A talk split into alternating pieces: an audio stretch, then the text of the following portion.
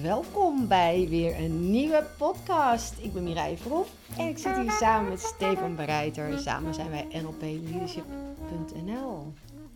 Waar gaan we het over hebben? Vandaag. Ja. Vandaag gaan we het hebben over de paradox van contact maken. Van authentiek leiderschap. Oké.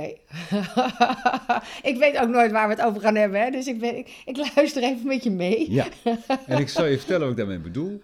Ehm, we hebben dat al in onze audiotraining, is dat onderwerp ook, uh, hebben we het aangeraakt. Um, onze audiotraining, die we hebben opgenomen, Moeiteloos Leiderschap, die bedoel je? De audiotraining Moeiteloos Leiderschap. Ja, oké. Um, want wat is er aan de hand? Wij zijn als mensen neurologisch hardwired, evolutionair, om bij de groep te willen horen. Ja. Um, en daar doen we alles voor. Ja. En we zijn heel, heel uh, sensitief als er iets zou kunnen gebeuren wat, ons, uh, wat dat in gevaar kan brengen. Mm -hmm. En om te voorkomen dat dat in gevaar komt, uh, stellen we ons zo min mogelijk kwetsbaar op. Want we willen niet afgewezen worden, we willen niet voor minder gezien worden, we willen voor waardevol gezien worden. Mm -hmm. En daar zit de paradox als het gaat over leiderschap, als het gaat over echt contact maken. Want met echt contact maken sluiten mensen je in, willen ze naar je luisteren, willen ze je volgen. Maar we zijn gehardwired om dat vooral niet te doen. En we zijn eigenlijk dan vooral een soort van gewend geraakt om ons heel erg te richten op onze buitenwereld. Mm -hmm. He, dus de mensen om ons heen. Dat is ook heel vaak uh, wat mensen zeggen op het moment dat ze bij ons beginnen met trainingen. Dat ze zeggen, ja, ik, uh, ik zoek waardering, ik zoek erkenning, ik zoek, zoek uh, bevestiging, geruststelling, toestemming van een ander. Ja. Zodat ik maar voel dat ik goed genoeg ben. Ja. En, en wat je dus eigenlijk doet is, je leeft dan het leven van een tweederangs burger. Je leeft het leven uh, zoals jij denkt dat de ander jou wil zien. Ja. En je leeft niet het leven zoals jij voelt dat dat het beste is. Ja. En als we dan tegen mensen zeggen, ja, maar jij bent de meest belangrijke persoon in je eigen leven, dan wordt het altijd een beetje stil. En dan, dan komt er vaak een reactie van ja, maar.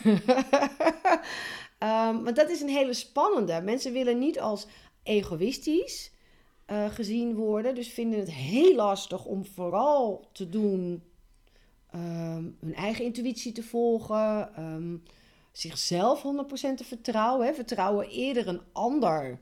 Wat een ander zegt. Dus als een ander zegt dat ze goed genoeg zijn, dan, dan geloven ze dat eerder dan als ze dat tegen zichzelf zeggen. Mm -hmm. Dat is ook wel een interessante paradox. Mm -hmm. Dat is eigenlijk ook dezelfde paradox. Mm -hmm. um, en, en dus zijn ze zo bezig met, met anderen te pleasen soms, of te voldoen aan, aan, aan, aan zelfs soms ongeschreven of onuitgesproken wensen en verlangens.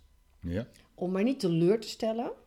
Om liever maar, um, um, ja, nou ja, in ieder geval goed genoeg te zijn, maar liever nog dat het beter is. Hè? Dus te verrassen, dat het beter is dan men had verwacht, te, te, te overtreffen, de, de verwachtingen te overtreffen. En daar loop je op leeg, want daarmee verlies je het contact met jezelf. Ja, dus wat er eigenlijk keer op keer gebeurt, is dat we de neiging hebben in het gesprek met de ander om een beeld te schetsen van onszelf, waardoor we als goed worden bevonden. Ja. Uh, dan hebben we dat gesprek achter de rug en dan kouwen we dat gesprek nog een beetje na. En dan kan je zo bij jezelf denken, ja, god, we hebben wel een gesprek gehad, maar was er nou het was een echt contact? Uh, schoot het op? Gebeurde wat? En dan is vaak het antwoord, hmm, matig, suboptimaal. Um, terwijl we ook wel eens momenten hebben, en dat is dan meestal omdat er dan net even iets aan de hand is wat te veel of te groot is, dat we onszelf toestaan om te vertellen wat er is. En daarmee stellen we ons kwetsbaar op. Mm -hmm. Of open, in of ieder geval. open. En nou, wat een verrassing. Dan heb je het gesprek achter de rug. En dan kan je daar zo nog met zo'n warm gevoel op terugkijken. En denk je, jeetje, wat een, wat een fijn contact. En dat kan zo'n, de ander die dan met jou gesprek kan het ook zeggen. Die kan het zo, zijn waardering uitspreken. En dan voel je dat er verbinding is. Ja. Ja. Ja, dat is, dat is natuurlijk waar we naar streven. Nee, die Ja. staat. En ehm, dat vraagt, ja, jij noemt het kwetsbaarheid. En ik, ik, ik, ik, ik ben dat eigenlijk meer openheid gaan noemen. Omdat Mm. kwetsbaarheid ook suggereert dat je kwetsbaar bent en dat een ander jou dus kan kwetsen. Mhm. Ehm, wat ik sowieso denk niet waar is. Mhm. Hè? Ik denk dat als je heel open bent, ehm, dan, dan ben je bijna niet meer te raken, omdat je namelijk daar zelf zo open in bent. En dat is volgens mij waar mensen zo bang voor zijn, dat ze te geraakt worden door de ander. Dat ze zich laten raken. door Laten zich laten raken. Hè? Dus dan, daar, daar, dan, dan zit je alweer in de slachtoffermodus. Hè? En de mensen die ons kennen weten dat we dat de achter in de bus mentaliteit noemen. Ehm, dus het vraagt openheid eh, naar ehm, de ander toe. Maar dat begint met openheid naar jezelf toe. Dus je hebt wel jezelf in beeld te hebben. Ja, Je hebt wel voor jezelf eh, te weten wat vind je belangrijk, waar vertrouw je op. En, en, en, en volgens mij gaan we dan hier echt naar waar het echt over gaat, namelijk naar zelfvertrouwen. En wat ik, wat ik zo mooi hierover vind, hè, dus het, het, het, het, het, geeft- het is zo'n zo'n zo'n helder verhaal waardoor ineens duidelijk wordt waarom is het soms zo lastig om zo te kunnen vertrouwen op je eigen intuïtie, op je eigen impulsen, op jezelf. En dat komt omdat we natuurlijk als baby's al, eh, hè, als, als baby, als je geboren wordt, ben je helemaal heel en één met jezelf. En je bent natuurlijk ook verbonden met je moeder. Ehm, maar dat is onvoorwaardelijk. Hè? Je zit vast aan die, aan, die, aan, die, aan die navelstreng. Dus hoe dan ook zit je, ben je verbonden en heel veilig. Nou, dan word je geboren en dan ehm, ben je enorm afgestemd op, op je moeder in eerste instantie. En waar je dan tot je grote verbijstering en verbazing achterkomt, is dat je soms iets doet wat je moeder niet fijn vindt. Of je vader niet fijn vindt. En dan schrikken we heel erg. Want Ja. we deden namelijk gewoon lekker wie we waren. Hè? En dan sla je bijvoorbeeld dat flesje uit de handen van je moeder. En dan krijg je toch echt wel een reactie dat dat niet de bedoeling is. Omdat je moeder namelijk wil dat je, dat je voeding krijgt. Hè? Vanuit al die goede bedoelingen. Maar daar begint het al mee dat we in onze hele vroege jeugd ehm, merken dat we soms tegenvallen en niet voldoen aan, aan, aan verwachtingen van onze ouders. En daarmee leveren we stukje bij stukje een stukje van onszelf in. Ja, en wat er dan eigenlijk gebeurt is dat we dan op een eh, latere leeftijd in een heel ogenschijnlijk simpel moment eh, niet echt uitdrukken wat er werkelijk is. Om een heel concreet voorbeeld te geven. ehm, bijvoorbeeld, jij eh, komt thuis en je partner die is zo lief om eh, alvast eh, te beginnen met koken. Ehm, maar je had eigenlijk gezegd dat je er om zes uur zou zijn. Maar je komt om half zeven binnen. En eh, dat is uitgelopen vanwege je werk.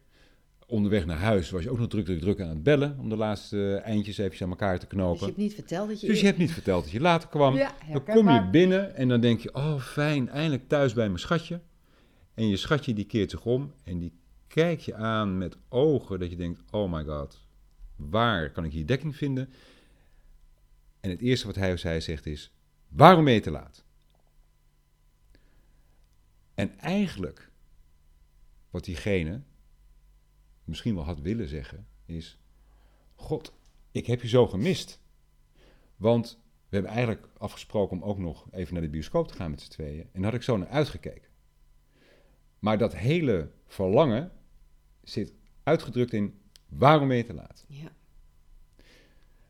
Met als gevolg dat je een afslag te pakken hebt, waarbij je, als het even tegen zit, in een gesprek terechtkomt, die de kans alsmaar onwaarschijnlijker maakt dat je ooit met elkaar in de bioscoop belandt.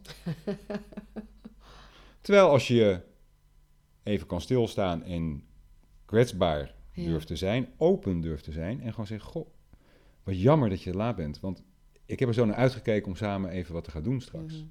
En nu hebben we minder tijd voor elkaar ja. dan zit je precies op het goede spoor. Heel efficiënt. Kost geen tijd. En Ja. je kan alsnog met z'n tweeën naar de bioscoop toe. Arm in arm. Ja, en, en dat kan als je dus ehm, goed met jezelf in beeld bent. Hmm. En, ehm, en dat je jezelf nog steeds oké vindt, ook al heb je mogelijk iets gedaan wat niet handig was, namelijk niet even niet op tijd komen en niet aankondigen dat je te laat was. Ja. En, eh, want voordat je het weet, reageer je namelijk heel anders en ga je vol in de tegenaanval. Ja, terwijl je ook zou kunnen zeggen, als die ander zo begint, waarom ben je te laat? In plaats van in tegenaanval te gaan, kan je zeggen, ik hou ook van jou. Ja, Of ik heb jou ook gemist. ja, Als je dus dan even voorbij je schaduw kan springen van die eerste prikkeling die je voelt, omdat de ander jou zo beschuldigend vraagt, waarom ben je te laat? want daarmee voelen we ons dus weer afgewezen. Ja. En dat appelleert weer aan dat gevoel wat we zo jong geleerd hebben, ehm, wat pijn doet. Mhm. Oh, ik hoor niet bij, ik ben niet goed genoeg. Uh, hij of zij vindt me nu niet leuk genoeg meer. Ehm, en wie ben ik dan nog? Hè? En, en, en, en, en daar, ja, dat opnieuw weer, weer, weer kunnen ehm, versterken bij jezelf.